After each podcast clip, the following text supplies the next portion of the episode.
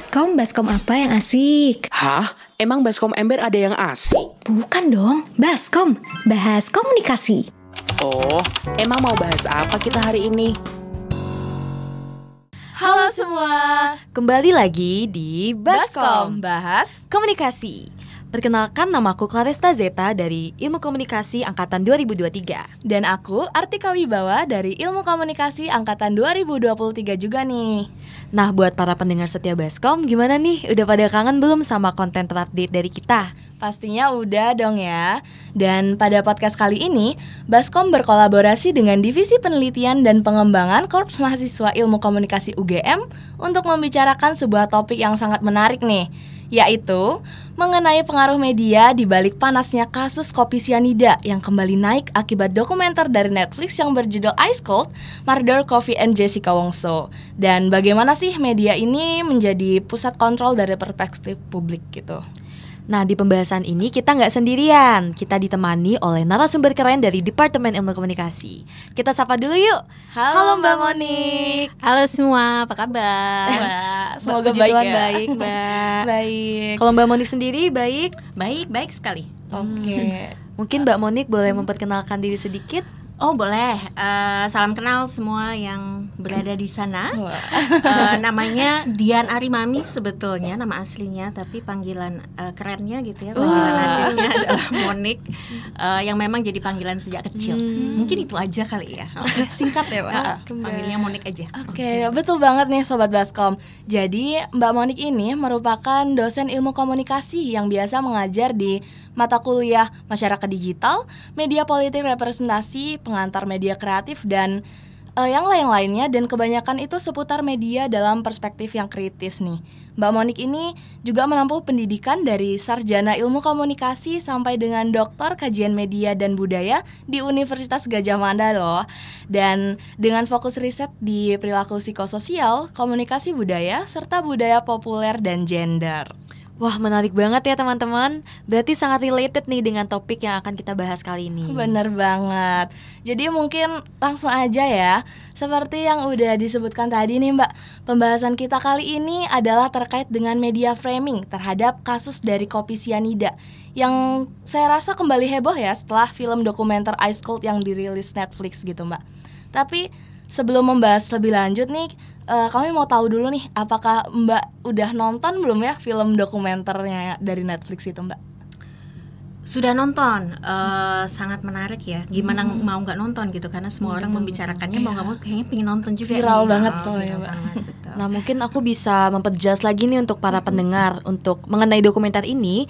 Um, dokumenter ini menceritakan tentang pembunuhan terkenal terhadap Mirna Salihin, di mana temannya Jessica Wongso dicurigai melakukan kejahatan tersebut. Dan kasus ini menjadi terkenal di Indonesia dan diberi label sebagai crime of the century.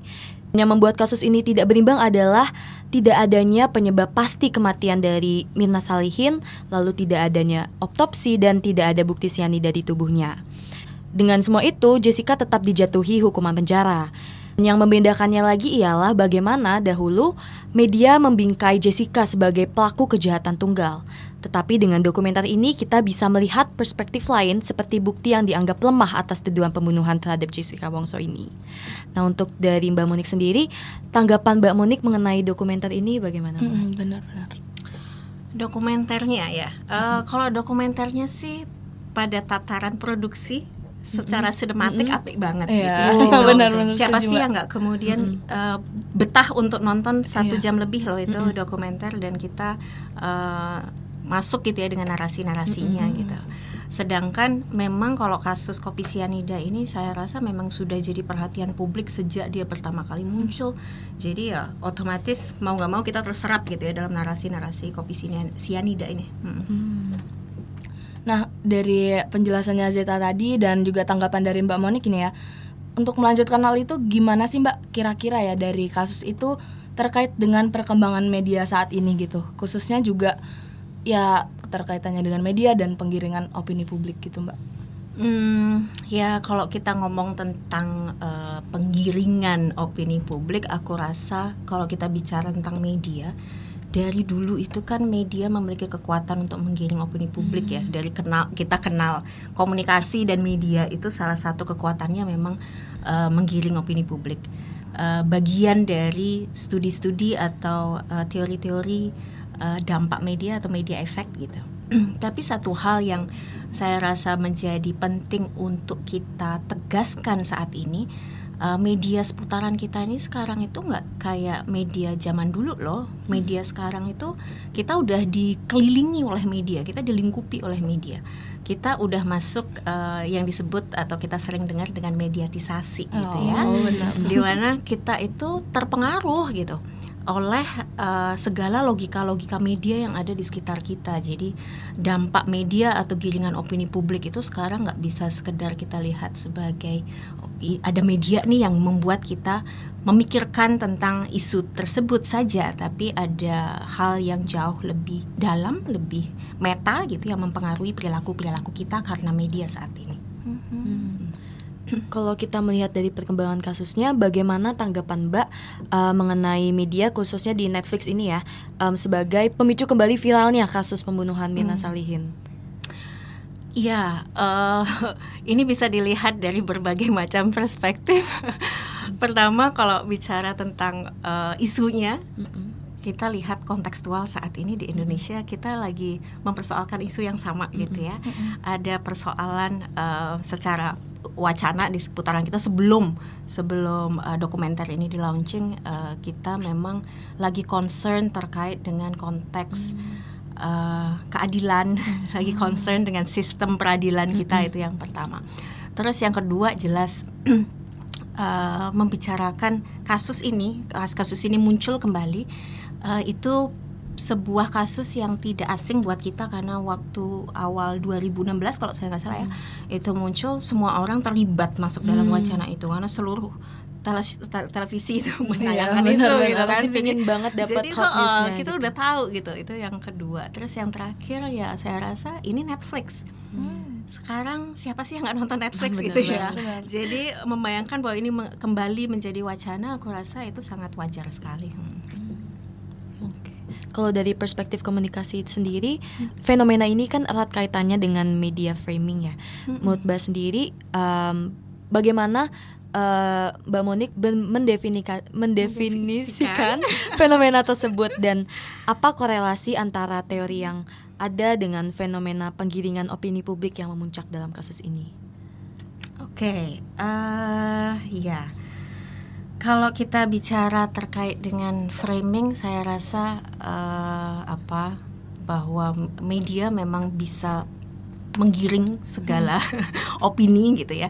Secara teori kita tahu bahwa dampak-dampak media itu akan muncul melalui uh, agenda settingnya, hmm, hmm. melalui framingnya gitu.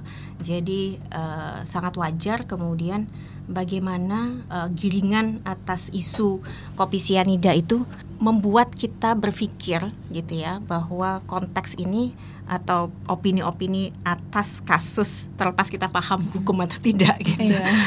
membayangkan bahwa sebetulnya ini nggak nggak fair gitu kalau kita nonton dokumenternya ya hmm. hmm. oke okay. dan kalau melanjutin hmm. hal itu ya mbak ya saya juga ya cukup mengamati dari film dokumenter ini hmm. terus juga saya penasaran nih mbak karena kan uh, berdasarkan bidang keahlian Mbak Monik nih yang ngajar di mata kuliah psikologi komunikasi dan juga terkait dengan media-media yang uh, berkaitan dengan hal yang kritis gitu ya Mbak.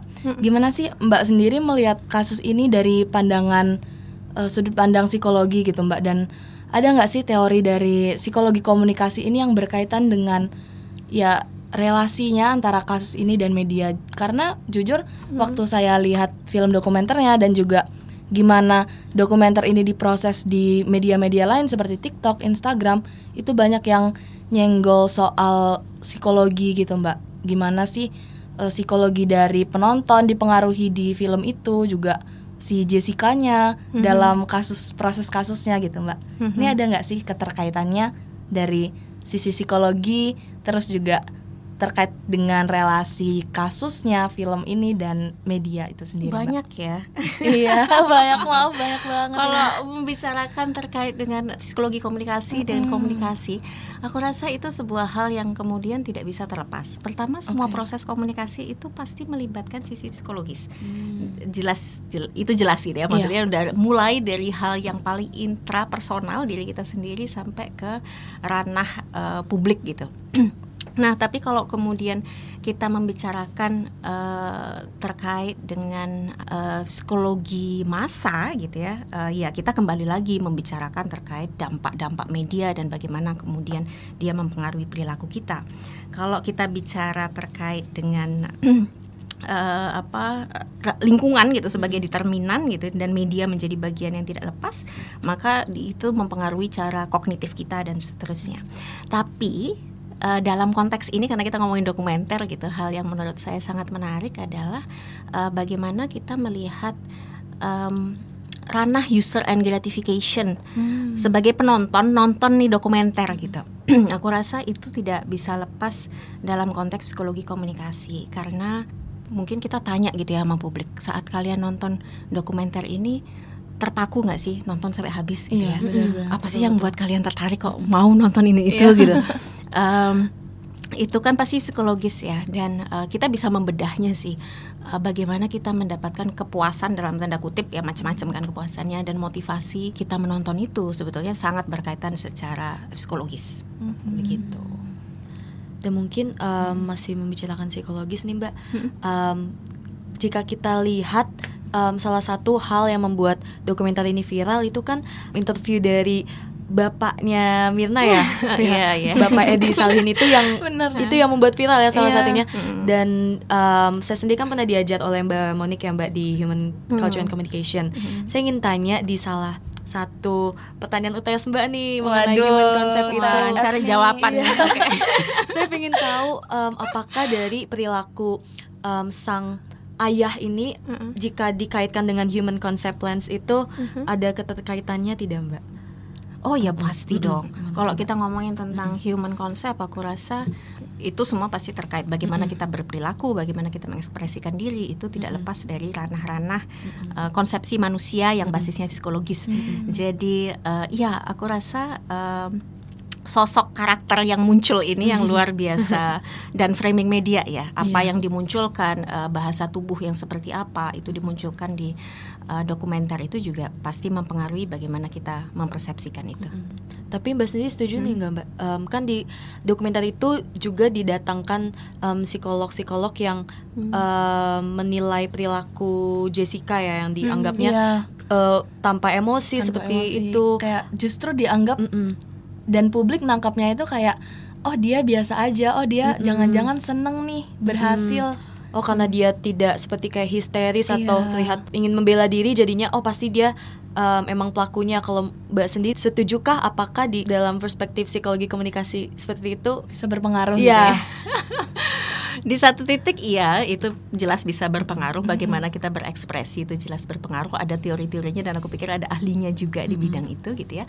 Tapi dalam konteks eh, kasus ini sebagai kasus persidangan jelas saya tidak punya pemahaman apa pun terkait dengan ranah hukum itu yang pertama. Terus yang kedua eh, kalau kita melihat dari konteks media maka kita tidak bisa lepas bagaimana eh, kasus ini sebelum dia jadi dokumenter ya kasus ini juga eh, sangat digiring oleh eh, framing media yang ada. Nah, Monik itu ada kemarin tuh sempat eh, ngelihat gitu ya hal yang menarik dalam kasus ini dalam konteks media. Misalnya ada salah satu penelitian dari UI yang membicarakan terkait dengan kasus ini itu eh, membicarakan tentang trial by the press. Jadi kalau teman-teman eh, pernah mendengarnya itu bagaimana kemudian eh, media itu memiliki proses pengadilan sendiri supaya iya, iya, benar banget, supaya publik itu kemudian mengarah ke sana. Dan di penelitian yang saya membaca secara singkat ini ini uh, agak kaget juga. Ternyata waktu zaman itu ya ada 133 berita gitu ya. Itu 133 dari 133 berita itu 83-nya itu berarti 62% lebih itu menyudutkan Jessica. Oh iya. ini ngomongin tentang media ya, saya benar, tidak benar. tahu benar. atau salahnya Iya, gitu, iya. tapi dalam kasusnya maksudnya. Tapi kalau uh, kita melihat bagaimana uh, penyudutan media trial by the press itu sebuah fenomena yang sering kita temukan dalam kasus-kasus apa pun aku rasa. Dan kita perlu hati-hati kalau melihat bagaimana media bisa begitu mempengaruhi persepsi kita gitu ya. Media nih kadang karena jujur ya mbak, ini ya subjektif tapi kasus ini kan terjadi 2016 ya waktu itu masih, Masih SD kecil tuh banget SD kita, kelas ah. 6 Ya ampun kalian masih SD. Iya. Tapi ya pas saat itu nonton Emang- juga kayak ih jahat banget ya si Iya. Kak Jessica itu gitu. Jujur kayak ya orang-orang rumah juga nanggapinnya kayak gitu karena lihat dari judul-judul berita juga udah dari awal yang emang judul-judul yang kesannya menyudutkan banget Iya. dan mungkin dari situ nih mengarah ke penghakiman Dan di apalagi kasusnya. em, jika seseorang itu tidak tidak terlalu em, membaca, tidak mencari tahu lebih dalam dengan hanya melihat headline aja tuh langsung Iya. percaya. Jadi Besar- sepengaruh itu. sebesar itu pengaruhnya benar banget sih dan mungkin ini nih penasaran juga nih terkait dengan kesadaran publik nih Zeta. Gimana coba tuh? Nah, kalau em, nah kita ingin bertanya nih ke Mbak Iya. Monik, Em, seberapa penting sih kesadaran publik dalam mengonsumsi media agar tidak terbawa arus provokasi ini? Dan benar-benar apakah ada saran dari Mbak Monik untuk kami para Gen Z untuk dapat menilai, untuk bisa merespon atau bahkan membuat konten yang ada di media secara lebih netral lagi, lebih objektif lagi. Ya kalau bicara tentang kesadaran itu aku rasa PR kita semua ya karena seperti tadi Monik sempat ngomong kita masuk dalam perkembangan media yang udah ini eranya mediatisasi gitu. Kita terpengaruh dengan media. Eh, logika media kita itu jalan. Jadi kita ke mana pun itu mau posting lah mau share lah dan seterusnya itu ya. Eh, jadi bagaimana meningkatkan kesadaran? Aku pikir salah satu caranya adalah meningkatkan literasi media itu jelas gitu. Em, bahwa kita perlu memahami bagaimana media bekerja. Tapi bicara tentang literasi media itu nggak cuma oke nih aku eh, tahu fungsi media atau bagaimana aku membaca media, tapi hal yang penting untuk dipahami juga terkait dengan karakteristik media. Jadi eh, media online itu kan macam-macam nih platformnya tuh. Eh, dia pasti memiliki kekuatan dan bahasa sendiri-sendiri gitu ya, terlepas dari jenis-jenis yang kemudian kita konsumsi itu yang pertama. Terus yang kedua adalah eh selain itu apa ya? Ya, oh oh ya, logika media. Jadi kesadaran kita terkait dengan logika media itu maksudnya gini. Kalau berita itu kan logika berita apa sih? Di jurnalistik itu eh, sesuatu jadi berita kalau dia fenomenal gitu ya. Dia kemudian dekat dengan kita gitu. Iya. Eh, dia ya newsworthy lah kurang lebih gitu. Nah, yang terjadi pada masyarakat itu adalah apa pun yang kemudian hidupnya jadi newsworthy, ada yang dia mengalami hal aneh, dia akan posting gitu. Nah, pemahaman terkait dengan logika media ini perlu eh, dilakukan gitu. Jadi literasi kita adalah tidak semata-mata memahami media, tapi juga memahami uh, bagaimana logika medianya bekerja. Kalau itu berita logikanya kayak apa ya? Kalau itu entertainment logikanya kayak apa ya? Jadi kalau kita misalnya masuk dalam logika uh, sinetron gitu kan kita jadi suka posting yang dramatik gitu kan. Itu kan uh, termasuk di dalam literasi-literasi itu yang pertama. Terus uh, kalau pertanyaannya adalah bikin konten yang lebih objektif gitu ya. Aku rasa pertama konten nggak ada yang objektif. Tapi eh, kalau bicara tentang objektivitas, eh, maka kita perlu mengacu pada ranah-ranah jurnalistik. Aku rasa itu adalah se- sebuah pegangan, apalagi buat anak-anak komunikasi gitu. Nah, di dalam objektivitas jurnalistik ini, tentunya eh, hal yang pertama adalah ya cover both sides misalnya. Kalau kita ngelihat di dokumenter yang kita bicarakan ini, eh, apakah prinsip-prinsip jurnalistik itu ada? Pertanyaan ya. Eh, itu juga bisa kita kritisi sebetulnya. Jadi eh, hal-hal seperti itu. Tapi dari sekian prinsip jurnalistik, menurut Monik ada satu hal yang sangat signifikan buat teman-teman saat ini yang lagi muda-muda dan Waduh. gemar bermedia gitu ya. apa itu mbak Eh, mungkin hal yang sederhana bisa kita lakukan adalah menanyakan pada diri kita sendiri saat kita membuat konten dan kita membagi konten itu uh, Anda mempertanyakan ini ini berkontribusi untuk siapa? Ini ini berdampak pada siapa? Mungkin itu dulu deh, supaya kita jadi mikir gitu ya. Uh, sebetulnya kontenku ini aku pikir lucu sih gitu, tapi belum tentu dia memberikan kontribusi yang baik kan gitu. Dan ya, orang-orang kan Mhm. berpikirnya juga beda, takutnya bereaksinya beda. itu. banget sih. jadi mungkin bisa diawali dari situ kali ya. Heeh. Keren dan banget. ya memang sebegitu luasnya ya dan sebegitu kompleksnya. Kadang memang hal kecil yang kita lakukan kita nggak tahu nih dampaknya, apalagi di media yang luas ini semua orang bisa akses gitu. Dan jadi ya teman-teman sayang banget karena kalau kita melanjutkan nih pembahasan ini mungkin akan berjam-jam nih ya, panjang, ya karena seru banget jujur Iya ya, seru banget karena ini juga ya dokumenter yang fenomenal ya di akhir-akhir ini gitu. Mungkin itu tadi nih pertanyaan terakhir dari kami Mbak seputar um, Oh, kenapa pertanyaan ini. terakhir Oh, sih? Karena Baik. kita sebenarnya mau lanjut sih Mbak. Oke. Cuman sangat Iya, disayangkan iya, ya teman-teman ada sekalian. Oke, mungkin aku sedikit ngasih kesimpulan ya dari pembahasan dan obrolan kita nih tentang film dokumenter dari Netflix ini yang Ice Cold ini dan terkait dengan media nih teman-teman. Eh, kesimpulan yang dapat aku ambil ini adalah media massa itu memiliki peran yang penting banget dalam merancang narasi nih seputar kejadian tersebut khususnya. Dan framing media yang ada ini bisa mempengaruhi banget bagaimana eh, kasus Jessica ini dipahami oleh masyarakat. Dan dalam konteks ini media framing itu dirasa bisa memperkuat stereotip dan eh, menciptakan ketakutan juga bahkan. Atau bahkan mempengaruhi peradilan dengan mempengaruhi opini publik seperti yang udah disebutin Mbak Monik tadi tuh. Nah, oleh karena itu penting banget buat sobat Baskom semua um, untuk bisa membaca berita dengan lebih Benar. kritis dan mempertimbangkan berbagai sudut pandang agar tidak terjebak dalam framing media yang mungkin tidak sepenuhnya mencerminkan realitas dari kasus kasus pembunuhan Mina Salihin. Dan sebenarnya tidak hanya kasus pembunuhan ini ya tapi di um, berita-berita lain um, kita tidak boleh langsung mengecap atau ya tadi menuduh tanpa adanya bukti. Kita harus bisa menelaah lebih jauh mengenai uh, kebenaran dari suatu kasus. Iya, dan dalam produksi media juga perlu ada kesadaran nih dari kita. Apakah ini bermanfaat ataukah justru menimbulkan provokatif dan sebagainya gitu ya. Nah, sobat Baskom, demikian pembahasan mengenai media framing di kasus kopi sianida ini. Oke, dan sampai jumpa di podcast Baskom episode selanjutnya. Saya Zeta, Dan saya Artika. kami pamit undur diri. Terima kasih. Sampai jumpa teman-teman. Sampai jumpa.